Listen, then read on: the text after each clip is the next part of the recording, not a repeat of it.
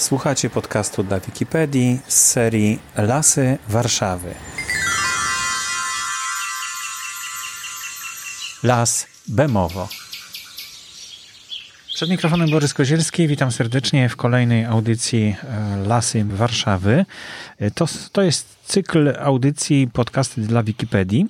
E, znajdą się one w hasłach Wikipedii, a dzisiaj jesteśmy w lesie Bemowo. To jeden z ładniejszych lasów chyba w Warszawie, tak, takie mam wrażenie. Poza tym, że ma też no, takie fajne zwierzęta, zaraz o nich będziemy mówić. A moim gościem jest pan Piotr Prądzyński, leśnik z Lasów Miejskich Warszawa. Dzień dobry. Dzień dobry. To proszę nam opowiedzieć o, może zaczniemy od, od tych zwierząt, takich nietypowych chyba jak na miejskie tereny, e, czyli łosie, tak, tam są w tym miejscu. Łosiowe dlaczego, błota. Dlaczego łoś miał być nietypowym tam e, zwierzęciem? E, w tym lesie występują wszystkie zwierzęta, które mogą występować w naszej okolicy, naszej dzielnicy e, przyrodniczo-leśnej. E, łoś e, jak najbardziej, ponieważ mamy korytarz e, dosyć sprawny, jeszcze mhm. ekologiczny, łączący nas z Parkiem Narodowym, z Kampiańskim Parkiem Narodowym, ponieważ w Lesie Bemowskim występują siedliska, które łosie lubią podmokłe, bagienne. To sobie przychodzą po prostu z tego Kampinoskiego Parku Narodowego, tak? Mhm. Tak. Kiedyś, e, gdy jeszcze e, otoczenie zabudową e, lasu nie było tak znaczne, mieliśmy na stałe klępę, do której dochodzili z Campinosu kawalerowie i, i, ona sobie tutaj w spokoju mogła mm, łoszaka wyprowadzić. No teraz, gdy las jest bardziej otoczony zabudową. E, miasto otacza ze wszystkich stron. E, ruch turystyczny, rekreacyjny jest dużo większy niż kilkanaście lat temu. No już klępy, która tam by była na stałe, już nie obserwujemy. Niemniej łosia można, można zawsze, spotkać. zawsze, zawsze mhm. spotkać i tutaj trzeba e, uważać. Łoś, mimo tego, że wygląda mm, bardzo mm, miło, e, nie jest takim do końca bezpiecznym zwierzęciem. Nie należy się do niego zbytnio przybliżać, płoszyć, robić sobie zdjęć z bliskiej odległości. Trzeba uszanować e, jego przestrzeń uszanować także jego wielkość, którą, no, tutaj są dosyć duże zwierzęta, 300-350 e, kilo w porównaniu z naszą masą, nie, mhm. damy, nie mamy szans. E, jeżeli chodzi o łosie, są to zwierzęta mało pochliwe, więc teoretycznie da, dają się blisko e, podejść, podejść nie, mhm. no, ale to nie powinno nas zwo, nie zwodzić. Należy jednak do dzikich zwierząt podchodzić z dystansem, e, zawsze umożliwić im swobodną e, ucieczkę przed nami. Mhm, mhm. E, no, no i nie zaczepiać, tak? Czyli tak, i przede wszystkim to, co dotyczy wszystkich zwierząt, e, w ogóle zachowania w lesie, jeżeli jesteśmy z pieskiem, piesek musi być zawsze na smyczy, mm, ponieważ e, zwierzęta dzikie nie rozróżniają ras, które mogą je dogonić albo nie mogą dogonić, bezpiecznych, niebezpiecznych. Zawsze zapach psa, szczekanie, zachowanie swobodne mhm. e, naszych ulubieńców może powodować spłoszenie, no i czasami też tragedię, bo ponieważ e, Las Bemowski otoczony jest praktycznie z każdej strony e, ulicami, drogami. No, no, i tam sporo wypadków chyba jest no też, tak? Mhm. Z I udziałem proszę, łosi. Tak, mhm. I bardzo ważne jest, żeby, jeżeli jesteśmy e, uczestnikami ruchu w okolicach e, Lasu Bemowskiego. Naprawdę zwracajmy uwagę na znaki ostrzegające przed e, możliwością wtargnięcia zwierząt. poprzecinaliśmy im te ich naturalne drogi, wyprowadzają się powoli i też tak z tego, co pan mówi, rozumiem, że wyprowadzają się te łosie też niestety tutaj z tego lasku na Bemowie, cofają się znaczy, do, do Campinosu, tak? Zmieniają po prostu sposób użytkowania naszej przestrzeni. Bo y, mówi pan, że otoczony jest Las Bemowski ze wszystkich stron osiedlami ludzkimi, no ale chyba połączenie z y, Kampinoskim Parkiem Narodowym jest bezpośrednie, tak? Przez tak, las jest, można przejść. jest y, dosyć, y, no nie, lasem nie przejdziemy, mhm. natomiast jest duży, e, duży korytarz ekologiczny łączący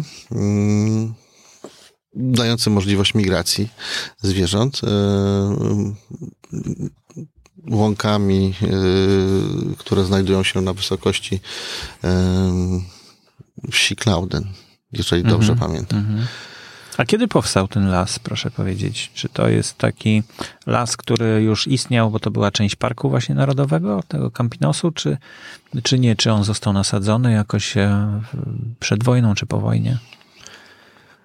Ten las mm, w większości został nasadzony e, po wojnie. I też sosna? Różnie.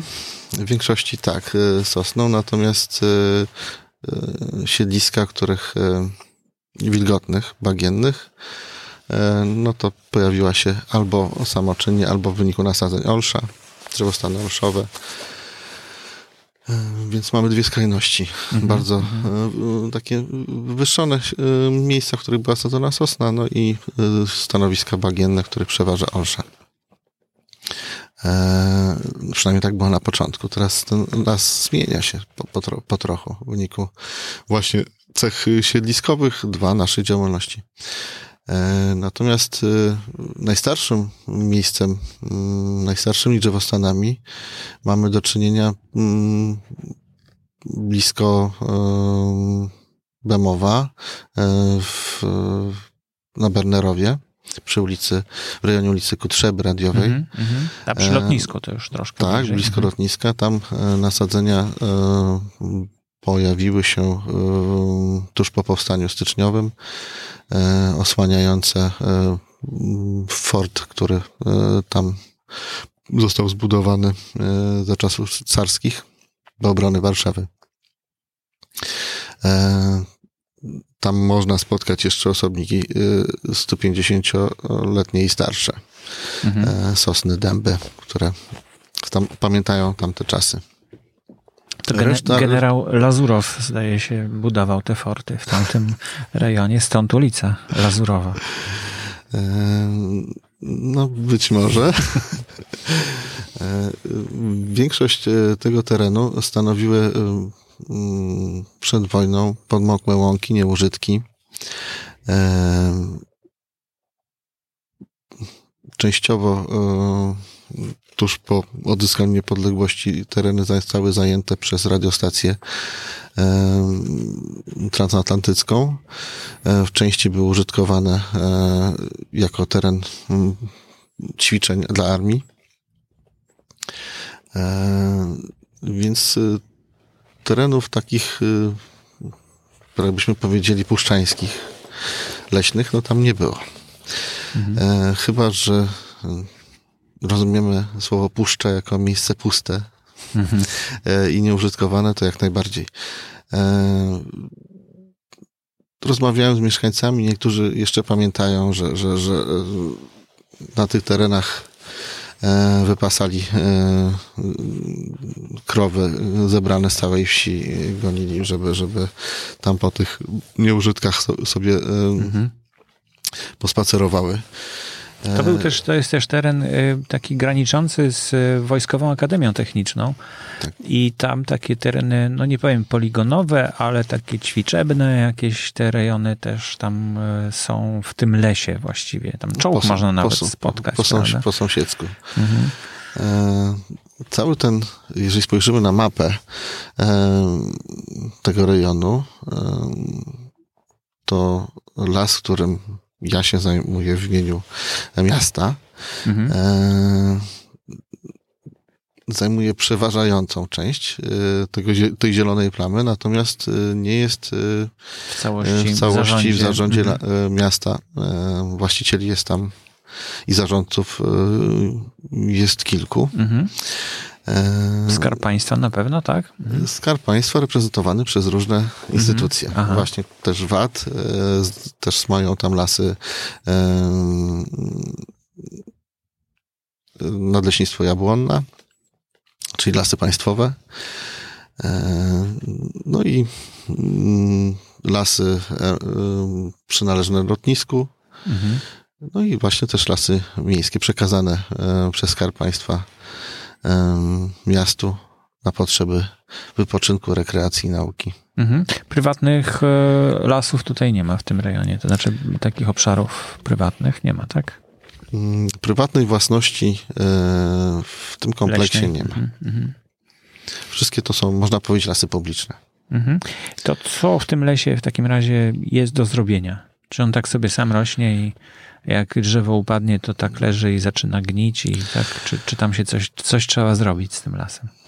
Przez cały czas trzeba robić coś z lasem, szczególnie takim, który e, powstał e, z nasadzeń brzydko zabrzmi, sztucznych. Mhm. Tym bardziej, że to w większości jeszcze jest pierwsze pokolenie e, mhm, lasu. Mhm, mhm.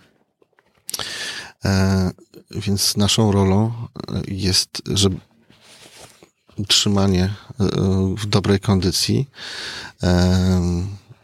zapewnienie ciągłości występowania, żeby nie nastąpił żaden kataklizm, który spowoduje, że będziemy musieli ten las zakładać od nowa na przykład.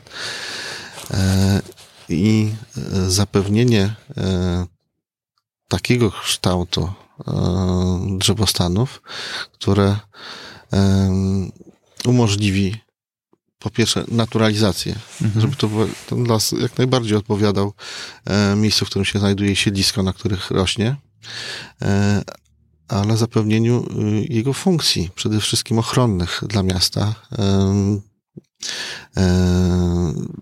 znajduje się w takim ciągu napowietrzającym e, Warszawy od strony zachodu, od strony Campinosu. E, zapewnienie funkcji e, rekreacyjnej, mhm. turystycznej. No i jest takim elementem zabezpieczającym ekologicznie miasto. Ze względu chociażby na ilość e, gatunków, które możemy tam spotkać ze świata roślin i zwierząt, grzybów. Mm. Jest to naprawdę e, bardzo ciekawy obiekt. E, jego atrakcyjność wynika właśnie z niedostępności pewnych terenów. Wysoki poziom wód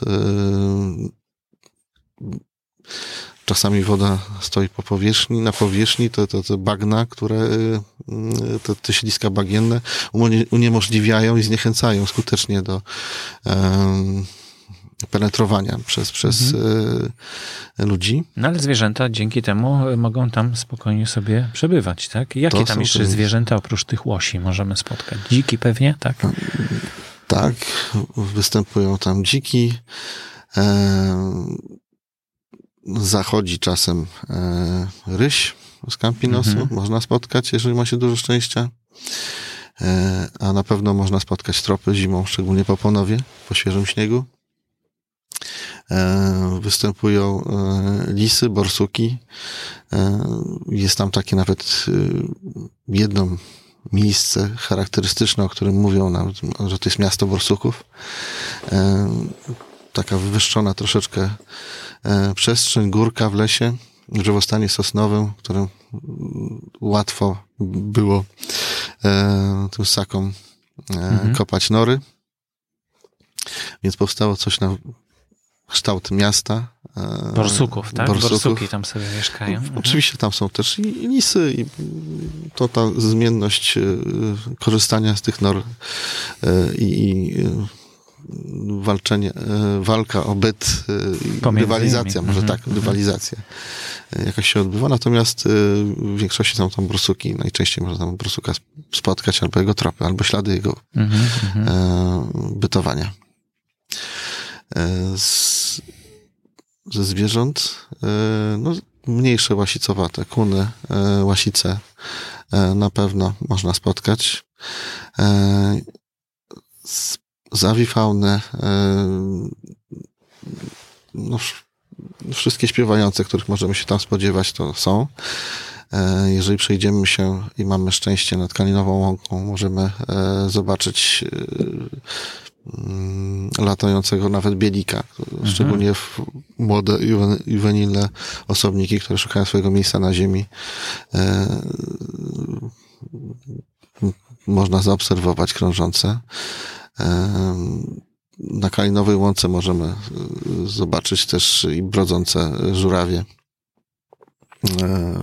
na przelotach e, słychać e, e, gęsi. Także jest to dosyć atrakcyjny teren. Mhm. No Można właśnie... spotkać, usłyszeć jastrzębia, myszołowa. Aha. Wspomniał pan o tej Kalinowej Łące, bo powiedzmy, że są tam dwa rezerwaty, tak? W tym, tak. W tym lesie. Jeden rezerwat to są łosiowe błota, tak się nazywa, tak? tak? A drugi to jest Kalinowa, Kalinowa Łąka. Łąka. Kalinowa Łąka jest to niewielka, niewielki rezerwat łąkowy.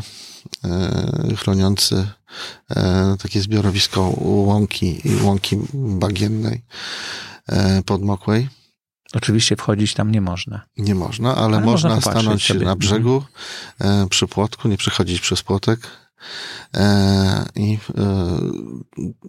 popatrzeć na panoramę. Mhm. Większość łąki jest doskonale widoczna z drogi. Jakaś tablica edukacyjna jest tam tablica jest edukacyjna, miejscu? w którym można się dowiedzieć, e, co możemy, czego możemy szukać, czego się spodziewać, obserwując e, roślinność e, tej łąki. A jest na co popatrzeć, szczególnie wiosną, kiedy kwitnie pełnik europejski, czy, czy kwitną irysy, tak kosaćce. Mhm. A kiedy to jest dokładnie? W jakim okresie? No to teraz można się tam już wybierać. Czyli w maju, tak? Mhm. tak. Pod koniec maja. Mhm. Także no, dosyć, dosyć atrakcyjne e, miejsce mm, do takiej e, turystyki krajobrazowej. Mhm. Drugi rezerwat już jest mniej dostępny.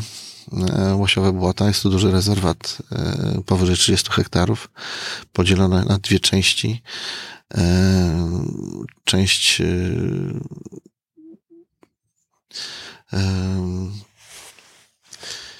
no praktycznie obie części nie są dostępne, mm, przy czym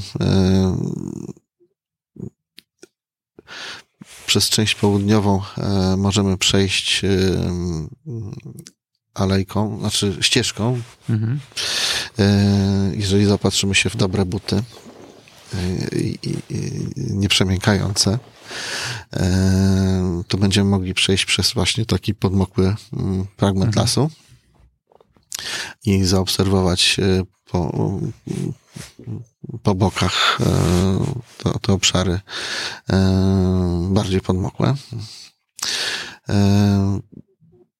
Na części północnej na takim bagienku, w terenie otwartym została zainstalowana kładka E, na którą można wejść i popatrzeć z góry mhm. E, na suchą stopą, tak? Suchą stopą. E, mhm. Obejrzeć, zwiedzić właśnie takie bagno śródleśne, podmokły teren. Teraz stoi to, jest zalane wodą. Okresowo oczywiście ta woda stamtąd odpływa. Mhm. To umożliwia e, też e, pojawianie się wszystkich e, roślin charakterystycznych dla tego zbiorowiska. No jak będziemy na tej kładce, to możemy, jak właśnie woda stoi, zobaczyć płynące zaskrońce,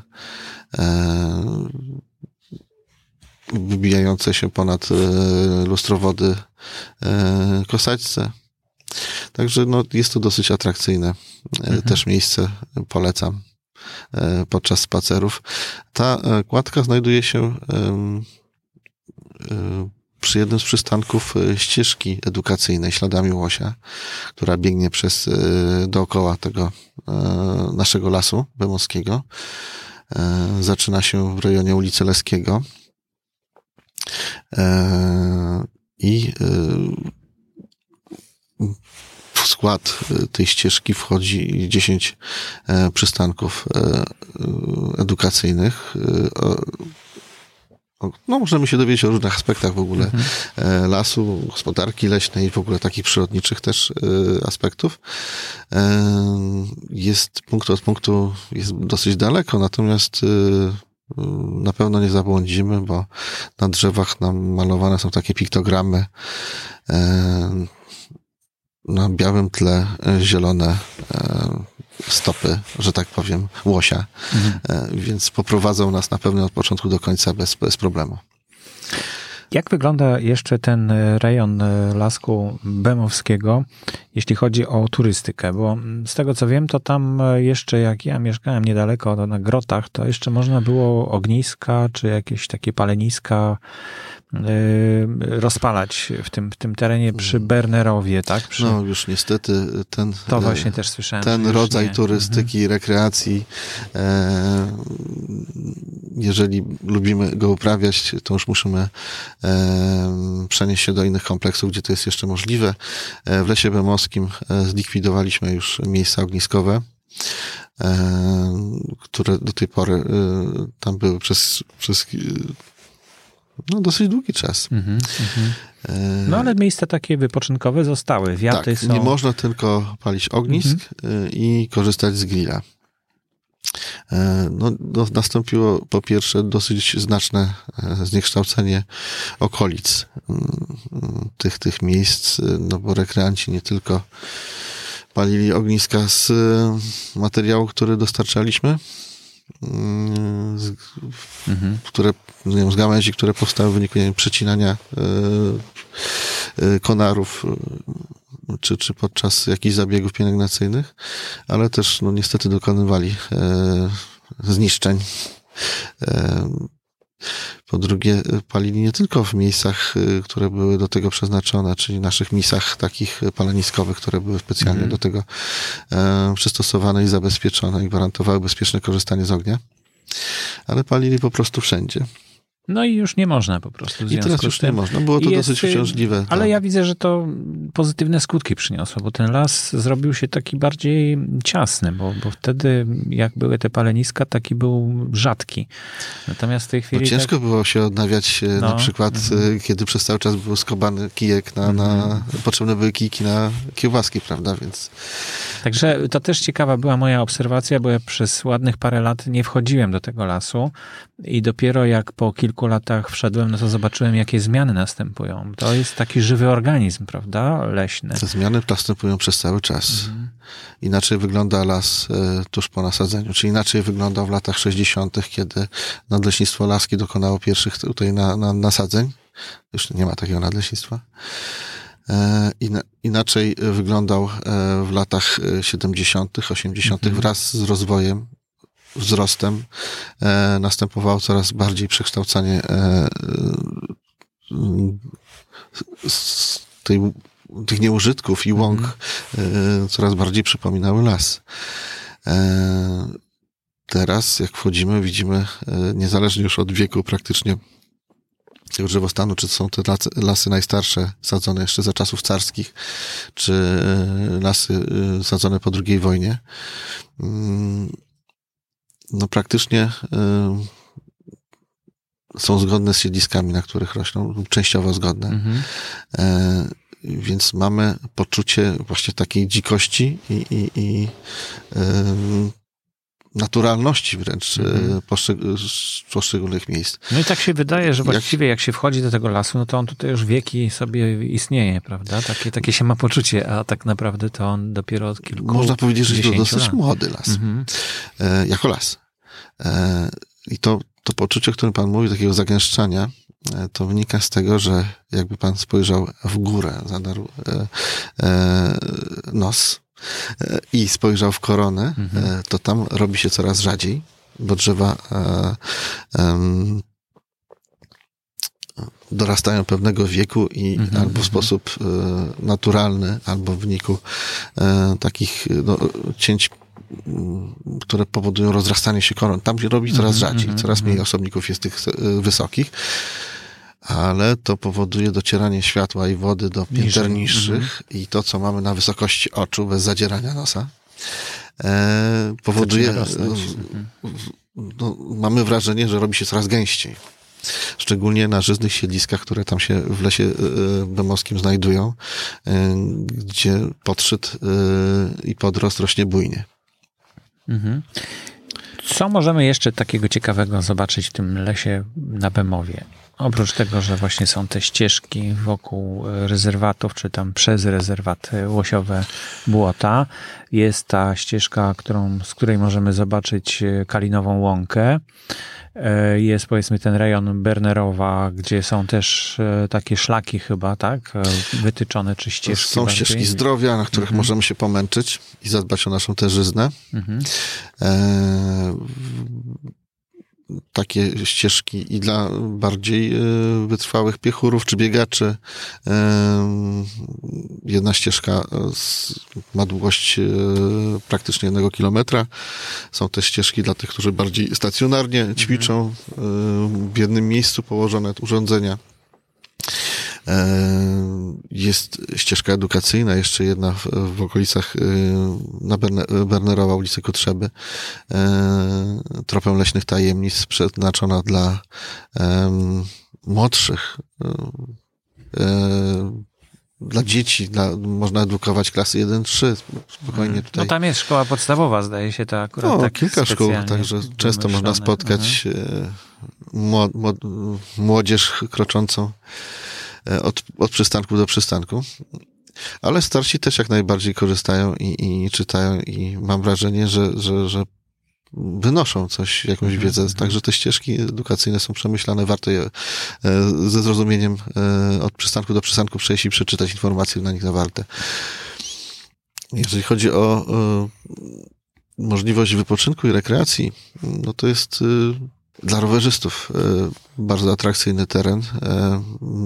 Dosyć y, dobre, e, rozwinięte, e, rozwinięty taki układ, który pozwala e, dosyć znaczne pętle wyznaczać sobie Mhm. takie treningowe i no, możemy spotkać pędzących rowerzystów. Trzeba także uważać z tego powodu i to te zasady, że kroczymy zawsze z prawej strony albo z lewej i nie, nie po środku, e, żeby nie, dochodziło do kolizji. No ale póki co las ten nie jest tak bardzo, szczególnie w głębi, e, użytkowany. Także dla tych, co po, poszukują ciszy i spokoju, e, jak najbardziej e, zapraszam. Jest to teren atrakcyjny. Mhm. To chyba tyle, co mieliśmy do powiedzenia na temat lasu na Bemowie, czy coś Można jeszcze? by jeszcze wspomnieć o Mhm. No, historii. Tak, no właśnie. No to E, mówiliśmy, że Wspominałem powst- o, o, o ra- radiostacji transatlantyckiej. E, szczątki podstaw e, masztów. E, Te maszty były bardzo wysokie, powyżej 130, około 130 metrów wysokości, więc e, podstawy tych masztów bardzo solidne, betonowe. Można w dalszym ciągu spotkać. E, W lesie znajdziemy e, bunkry e, broniące tej radiostacji. E, Ze świadków historii, ach, no właśnie zapomniałem o czuwajkach, czyli takich mm, budkach strażniczych mhm. betonowych z napisem czuwaj. Stąd droga, przy której się znajdują, nazywamy je zwyczajowo czuwajkami. Tak, Także też zastanówmy się nad, nad, nad, to jest miejsce, w którym można się zastanowić nad historią e, Rzeczpospolitej. E, ten rejon był broniony e, przed, e, przed e, mm, wojskami niemieckimi i raz, po pierwsze, żeby chronić radiostację, po drugie, broniony był wstęp do Warszawy od tej strony. Przez majora Decowskiego. Także jak będziemy spacerować, na pewno spod, tak troszeczkę zejdziemy nawet e, ze szlaków, e, szczególnie wzdłuż osi radiostacji, która się ciągnęła od, e, którą możemy od ulicy Hubela Dobrzańskiego mhm. na południu, aż do lotniska mm, na Bemowie. To na pewno, jak będziemy tam zejdziemy kilka razy ze szlaków, na pewno napotkamy się na te wielkie stopy e, podstaw e, mhm. masztów radiostacji. To była e, stacja nadawcza, odbiorcza była w Grodzisku Mazowieckim. Także wyobraźmy sobie wielkość i skalę masztów i całej, całej inwestycji, którą w latach dwudziestych Rzeczpospolita przeprowadziła i służyła do łączność, pozwalała na łączność właśnie transatlantycką ze Stanami Zjednoczonymi na przykład. Znaczy taki długi był, antena była taka długa aż do Grodziska? Nie, nie maszty nadawcze e, mhm. znajdowały się tutaj w Starych Babicach. E, było ich, jeżeli dobrze pamiętam, dziewięć mhm. E, olbrzymich masztów ułożone w właśnie takiej osi północ-południe, a stacja odbiorcza była w Grodzisku. Mhm, mhm. To nie tak, że to stanowiło, jako, znaczy jedność instytucjonalną stanowiła, natomiast tutaj były maszty nadawcze w Grodzisku odbiorczym. Bardzo dziękuję. Pan Piotr Prądzyński, leśnik, e, był moim gościem. Dziękuję bardzo. Dziękuję. To był podcast dla Wikipedii z serii Lasy Warszawy. Zapraszamy do subskrybowania kanału i słuchania poprzez iTunes, czytniki na Androida lub bezpośrednio ze stron Wikipedii w hasłach, których dotyczą audycje. Podcasty Lasy Warszawy wyprodukowane zostały we współpracy z jednostką Lasy Miejskie Warszawa.